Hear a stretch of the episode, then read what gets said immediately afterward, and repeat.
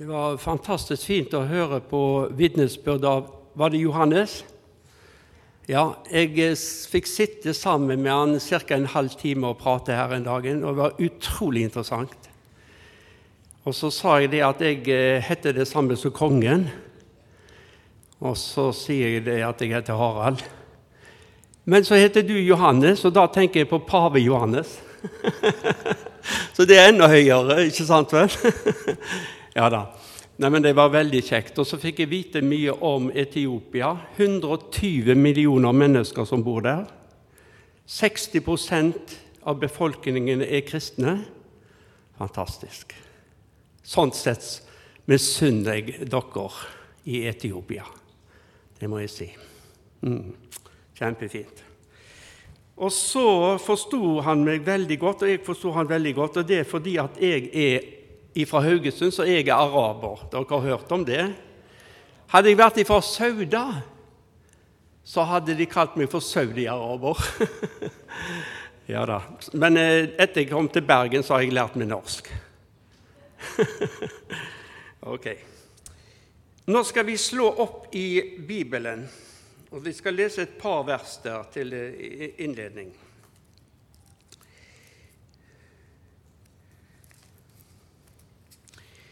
Der står det i Jesaja, det 51. kapittel, og det første verset. Der står det slik.: Hør på meg, dere som jager etter rettferdighet, dere som søker Herren, se på berget dere ble hogd ut av, og til hullet i bak avgrunnen dere ble gravd ut av. Jeg syns det var veldig flott vers. Og så skal vi lese ifra skal vi se, det er fra 1. Korinterne 9, 22. Der står det slik For de svake ble jeg som, jeg som en svak, så jeg kunne vinne de svake. Jeg har blitt alle ting for alle mennesker, så jeg i alle fall kan frelse noen. leser om igjen. For de svake ble jeg som en svak, så jeg kunne vinne de svake. Jeg har blitt alle ting for alle mennesker, så i alle fall kan frelse noen. Det som eh, Johannes og meg har til felles, det er at vi spiller gitar. Og jeg skal jo være med da på kafeen i kveld, både holde andakt og sånn. Og så skal jeg spille noe som jeg har lært etter hvert, så spille medley. Og Det vil si tre melodier i sammenheng. Så det blir veldig kjekt. Det, det, det på ladegården. Ok. Det er noen som har telefonen på her. Det er veldig fine lyder og sånt. Eh, men nå må det bli slutt på konserten.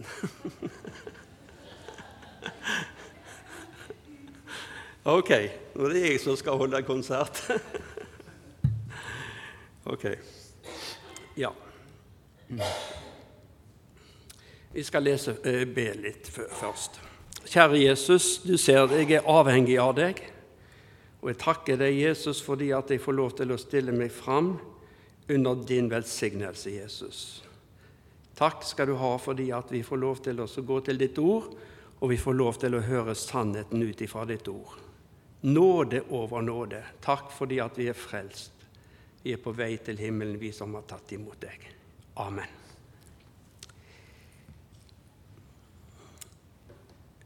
Forsoningen, det er det største som vi leser om i Bibelen. Forsoningen. Eh, før frelsen så ble faktisk forsoningsverket skapt. Gud sa, 'La oss forme mennesker i vårt bilde etter vår lignelse'. Første Mosebok 1,26.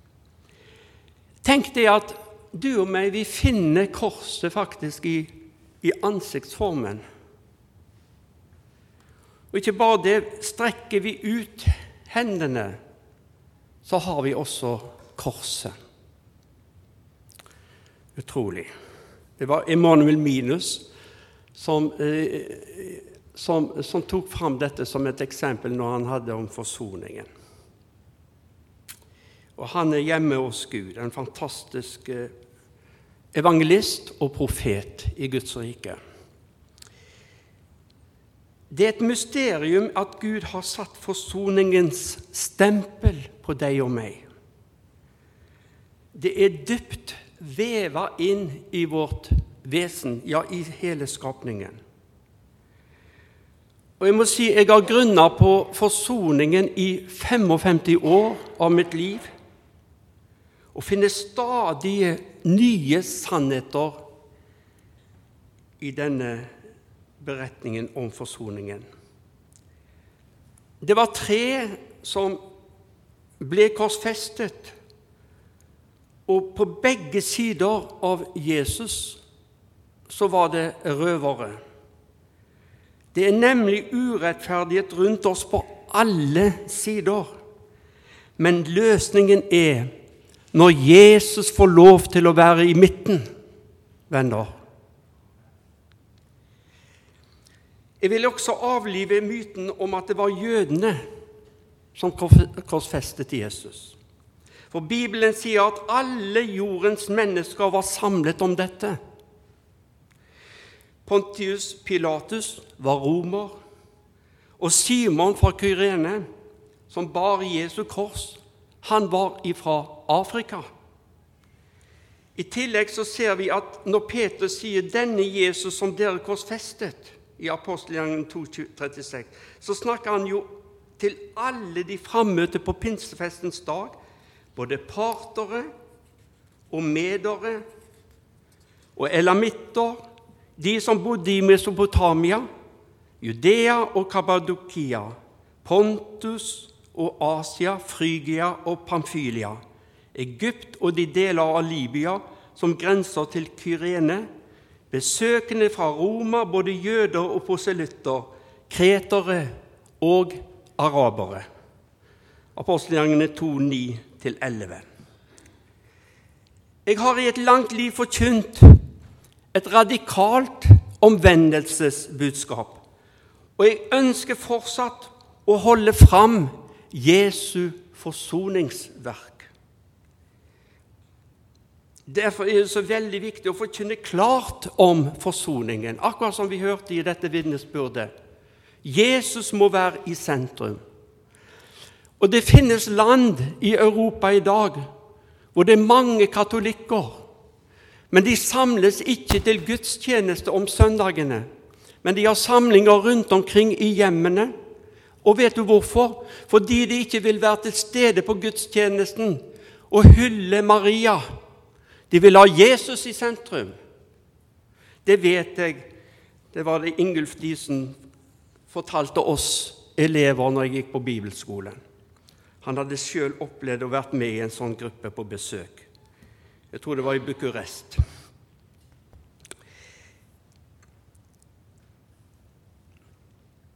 Peter han levde i, i begynnelsen av de siste tider. Og du og meg, vi lever i slutten av de siste tider. Derfor er det veldig viktig å forkynne klart om forsoningen. Dette som vi har vært inne på, sier at vi alle sammen har vært med på å korsfeste Jesus. Du og meg som er her. Og Blant jødene var det både de konservative fariseerne og de liberale sadukeerne. Alle blir anklaget. Og når jeg så dette, så grep det meg, og jeg ropte, 'Gud, hjelp oss å ta imot forsoningen'. Og ikke minst her i Norge, hvor det er mange som har kastet Jesu forsoningsverk ifra seg, og hvor det er så prosentvis så få som vil kalle seg for kristne. Og Hvis du kommer inn på religiøse ting og slike ting og spør de om de er kristne Ja, de tror på Gud, og så er de jo døpt, ikke sant vel? Men venner, det er ikke frelse i dåpen. Det er kun frelse ved å ta imot Jesus som din personlige frelser. Alene, det er nok. Røveren på korset, ble han døpt? Nei, men han ble frelst likevel. Fordi han tok imot Jesus. Han ba om en tanke, og han vant helt, en him, helt himmel. I dag så opplever Europa en innvandring for alle verdens folk, som en prøve på vår barmhjertighet, og også som en utfordring for oss til å gi dem evangeliet.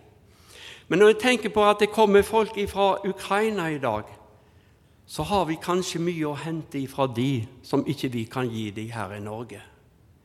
Fordi at mange av de, de tror på Gud. Ordførere fra de forskjellige byene de ser be til Gud for oss. Og vi roper sjøl til Gud. De ligger gjerne nede i disse rommene ikke sant vel, på kne hvor de roper til Gud. Det er styrken i deres liv og i nasjonens liv. De kan ha mista alt, men én ting ikke de har mista, det er sin tro og Jesus. Vi har et ansvar innenfor menneskene innenfor evigheten. Og Vi skal bringe mennesker i evangeliet, og vi må be om kraft. Men ikke bare kraft, men vi må be om visdom. For jeg må jo si det at når jeg, jeg var nyomvendt og gikk rundt og evangeliserte og slikt, så var det ikke alltid så mye visdom i det. Men heldigvis så kom det mer og mer visdom etter hvert. Det fikk en fra, fra Gud. Men jeg husker den dag eh, da, da, jeg hadde tatt imot Jesus. Så var det en i klassen min, han hadde nylig blitt en kristen. Halvor Sebø het han. Jeg har han av og til på telefonen. Han har vært journalist hele sitt liv og, og sånt. Og faktisk den dyktigste av turnerne i, Haugesund, så han var veldig dyktig sånn sett. Han gikk i klassen min, og så spurte han kan kanskje du blir med meg i Misjonskirken. Han forsto det at det var noe med at jeg hadde vokst opp i et uh, kristenhjem og alt dette her og sånt, etter hvert han ble kjent. I begynnelsen så ville jeg ikke det. Jeg tenkte sånn så, nei, jeg må utsette det å bli en kristen. Men så fikk han med meg i kirken, og det var på et ungdomsmøte og det var en fra Sverige og en fra Finland som forkynte der. Eh, eh, og, og, og, eh, og, det var flere som hadde tatt imot Jesus. Og så kom innbydelsen. Og så sier han, 'Du må bli med meg inn i bønnerommet', for de hadde et eget bønnerom. Ja, men så, så ble jeg med han inn.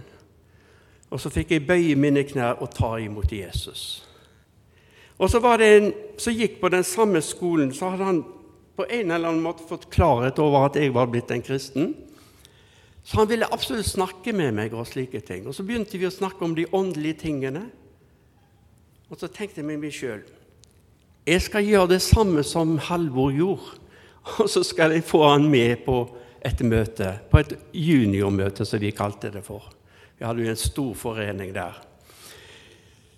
Og eh, ja, så gjorde jeg nøyaktig det samme. Og han ble med inn i bønnerommet, og så fikk han tatt imot Jesus.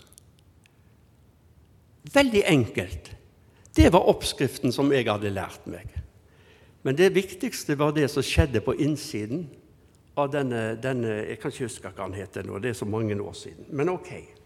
Han tok imot Jesus, og han ble en glad kristen og det er det viktigste.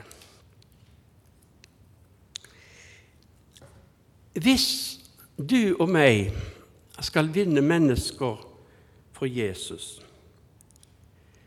så gjør du det ikke hvis du gjør deg mer i gåseøyne hellig enn de som du skal vinne for Guds rike.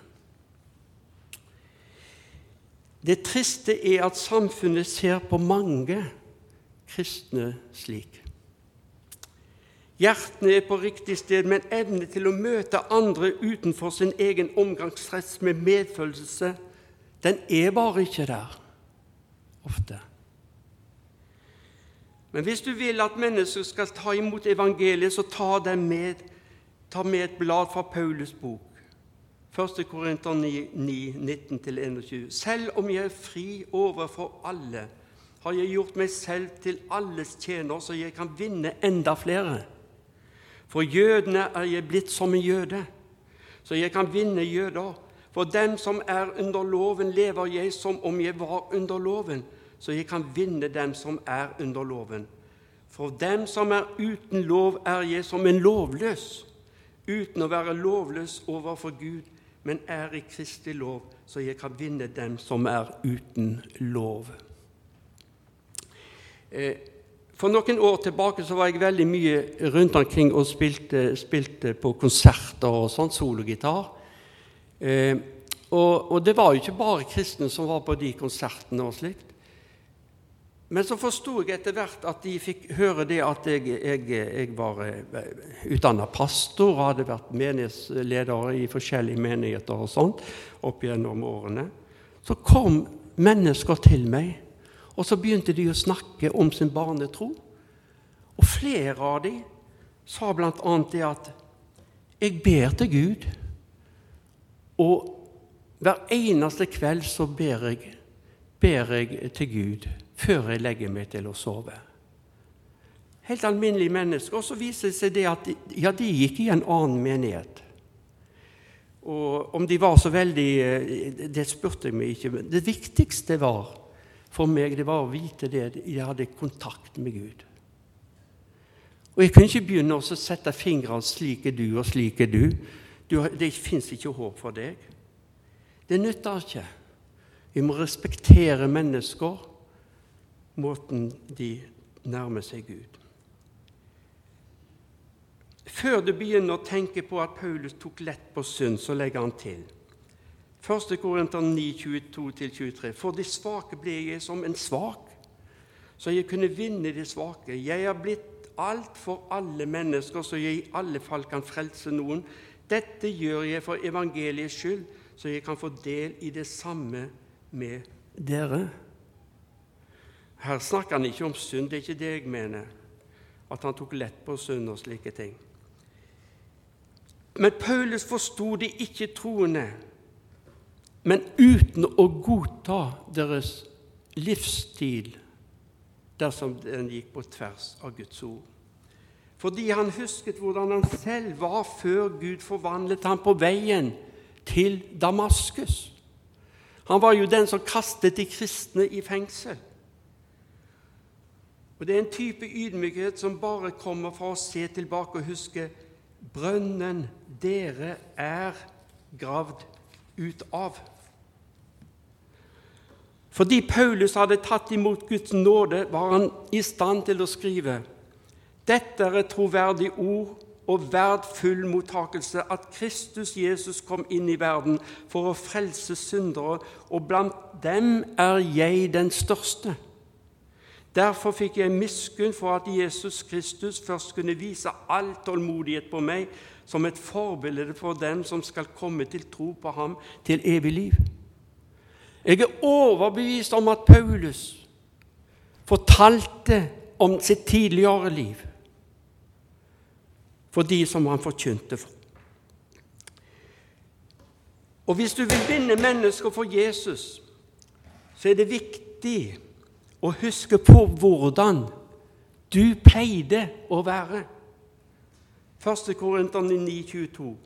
For de svake ble jeg som en svak, så jeg kunne vinne de svake. Jeg er blitt alt for alle mennesker, så jeg i alle fall kan frelse noen.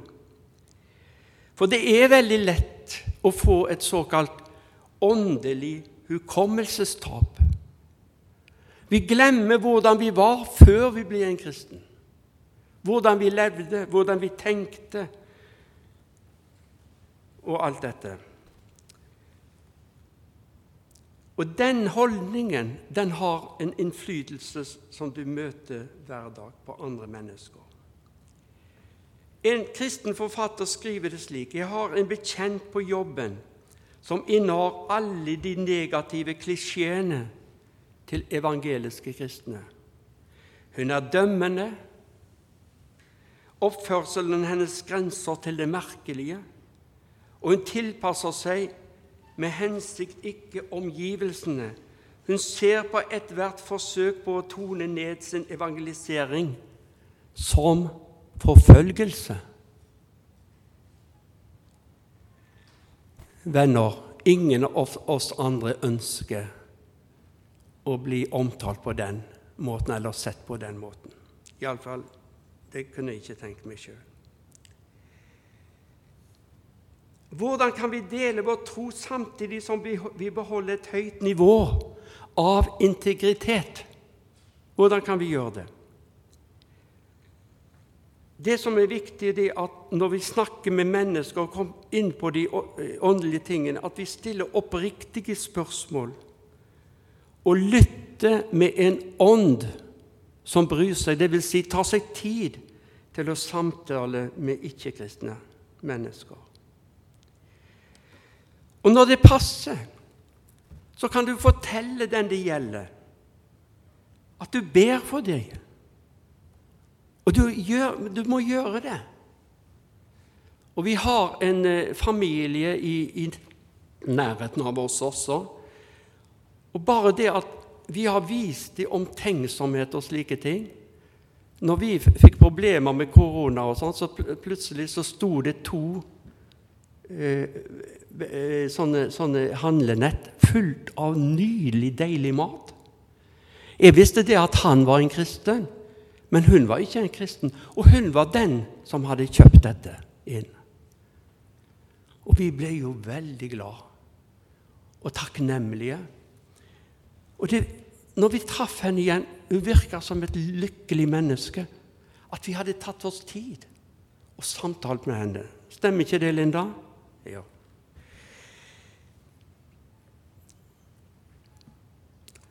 Og mens du f.eks. kjører på vei til jobben, så be Gud hjelpe deg til å se arbeidsplassen som en misjonsmark. Der er det muligheter. Men da ikke samle alle rundt deg og så begynne å forkynne. Men ta én etter én og snakk med vedkommende. Litt visdom inn i det. Og ikke bagatelliser viktigheten av din tro. Når det passer naturlig inn i samtalen, så snakk om menigheten. Om dette å be til Gud, bønnesvar, Bibelen og det kristne fellesskapet. La andre se gleden og hensikten i ditt liv. La dem få lov til å få innblikk i det. La alle mennesker se Guds kjærlighet i deg ved at du setter i gang med f.eks. innsamling av klær, suppekjøkken eller noe lignende. Og Der er vi veldig flinke i, i Frelsesarmen. Vær du sikker på at de menneskene det gjelder, som ser Frelsesarmens arbeid, får en kolossal respekt. Og hennes søster for min del hun sier det gir jeg noe, så gir jeg bare til Frelsesarmen. fordi jeg vet pengene går til rette formål. Fantastisk. Hun er ikke en kristen, men jeg håper hun er på vei.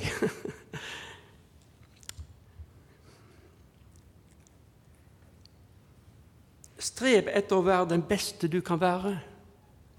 Vær den personen som din sjef eller dine medarbeidere stoler på vil gjøre en god jobb. Jeg har f.eks. hørt om eh, de som, Gjerne noen som har vært med i Jehovas vitner. Da står ikke jeg for det som de står for. Men på arbeidsplassen har de vært fantastiske. Og vi som evangeliske kristne vi skulle ikke være dårligere på arbeidsplassen. Iallfall forsøke å gjøre det beste vi kan. Det betyr veldig mye. Og inviter gjerne kollegaer til samlinger med dine kristne venner. De som ikke går i en menighet, er ofte åpne til å gå når det gjelder f.eks. jul og påske. Og vi har jo hatt eh, julekonserter i Frelsesarmeens regi. Og da er det mange som kommer utenfor. Og når de kommer dit, så får de høre evangeliet. Det er det aller viktigste. Ikke først og fremst, selv om det er også viktig med flott musikk og alle slike ting, men de får høre e- evangeliet. Og når du er usikker på når du bør snakke, så spør Gud. Og vær ikke på forhånd bekymret for hva dere skal si, men si det som blir gitt dere i samme stund, For det er ikke dere som taler, men Den hellige ånd. Eh, når jeg var ganske ung, så leda jeg et evangeliseringsprosjekt nede i Danmark. og Det var oppe i, høyt oppe i eh, Jylland. Og jeg besøkte en menighet der, og vi hadde tre uker med evangelisering. Den første uken så hadde jeg undervisning om evangelisering. Den andre uken så gikk vi på husbesøk. Og den tredje uken så gikk vi eh, på gateevangelisering og snakket med mennesker. og Der var det veldig mange, eh, mange som kom fra forskjellige land og slike ting. Eh, og, og, vi fikk oppleve det at, eh, at å le, være med og lede mennesker til Gud. Og så, så husker jeg det at eh, vi traff på et eh, par som var tysk. Og Jeg var ikke så veldig sterk i tysk, men så sukka jeg til Gud, og så ba jeg det at nå må du hjelpe meg til å få kontakt med dette par, ekteparet. Og på en forunderlig måte så forsto vi hverandre, og så kunne jeg forkynne evangeliet på en enkel måte. På min, min, min, tysk. Den var ikke så veldig mye å skryte av, det var den ikke, men jeg kunne gjøre meg forståelig. Og jeg tror Gud hjelper meg også. Mer enn noe annet, venner, så skal vi være ydmyke. Vi skal være ydmyke innenfor mennesker vi skal ha respekt for dem. Og, og, og, selv om vi møter motgang, for det får vi Vi opp, vil, vil oppleve mye motstand når vi forkynner og når vi evangeliserer. Men da skal vi ikke gi opp. Da skal vi gå videre, og så vil Gud lede oss til mennesker som vi kan få lov til å være igjen med og lede til Gud. La oss ikke gjøre det for vanskelig, og la oss ikke være for redd for å evangelisere. Men la oss være oss sjøl og behandle mennesker som vi behandler brødre og søstre. Snakke med dem og invitere dem til fellesskap med, med oss i samtale, og eventuelt også husbesøk. Kjære Jesus. Jeg ber for oss, den enkelte her, jeg ber om at vi må ha evnen til å kunne snakke med mennesker om deg. At vi gjør det på en enkel måte, akkurat som Paulus, som var denne høyt utviklede intellektuelle mannen. Han gjorde seg svak for å kunne vinne de svake. Og Han snakket også med de som var høyt oppe i anseelse og slike ting, men han var noe for alle, denne høyt respekterte mannen. Kjære Jesus, vi ber deg om at vi må bli mer lik Han, og at vi også må bli mer lik deg. For du hadde evnen som ingen andre til å møte menneskene og deres behov. Og du ga deg tid til å snakke med de som alle andre rett og slett hadde kastet på søppelhaugen. Kjære Jesus, gi du oss den kjærligheten og gi du oss av Den hellige åndes kraft og visdom i Jesu navn. Amen.